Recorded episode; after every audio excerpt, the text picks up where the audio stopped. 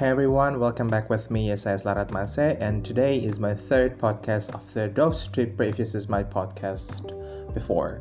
And in today's podcast, I would like to, or I want to tell you guys about um, what major am I taking uh, in my like college, and what what what, what should I focus for there. Um, well, honestly, uh, the major that I am focusing in is uh, applied linguistics. If you still question me what exactly applied linguistics itself, well, uh, I hope that you already know and I, I hope that you already understand what exactly linguistic itself. Well, linguistic itself, in terms of uh, the need of language in its pure meaning I mean, like when you study about linguistics, you deal with anything related to language process and language uh, improvement by the time. So the the major itself we call as linguistics, where in linguistics we can study about how sounds produced and then how to concept yeah how to concept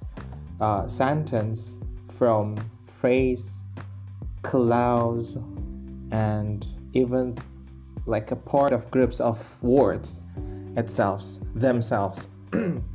well, that's linguistics. And after you know about linguistics, then this current new like starting in the early of 20th century, not in the early or probably in the middle or like half end of um, the century, there is a new uh, focus in studying linguistics more deep and how it's like related to real uh, issues which language involving and and how it can be elaborate in the real life decision making of those people who work for or who uh, in charge with language stuff. That is that exactly the real meaning of applied linguistics. So applied linguistics in simple ways means that when you learn language and its issues in the real world decision making so it is more complex when you learn about applied linguistics you try to apply anything from language which is linguistic itself into um, the societies appear the language which appear in the society. And you try to uh, this is an applied. You have to understand it. I mean i'm sorry.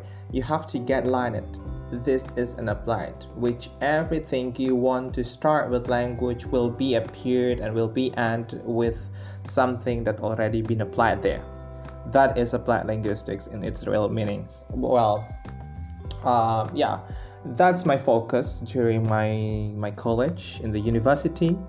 Well, I've just graduated from the university last February 14, uh, no, 13, and uh, uh, yeah, I'm a bachelor of uh, arts. Uh, no, no, no, arts. I'm a bachelor of humanities and applied linguistics major.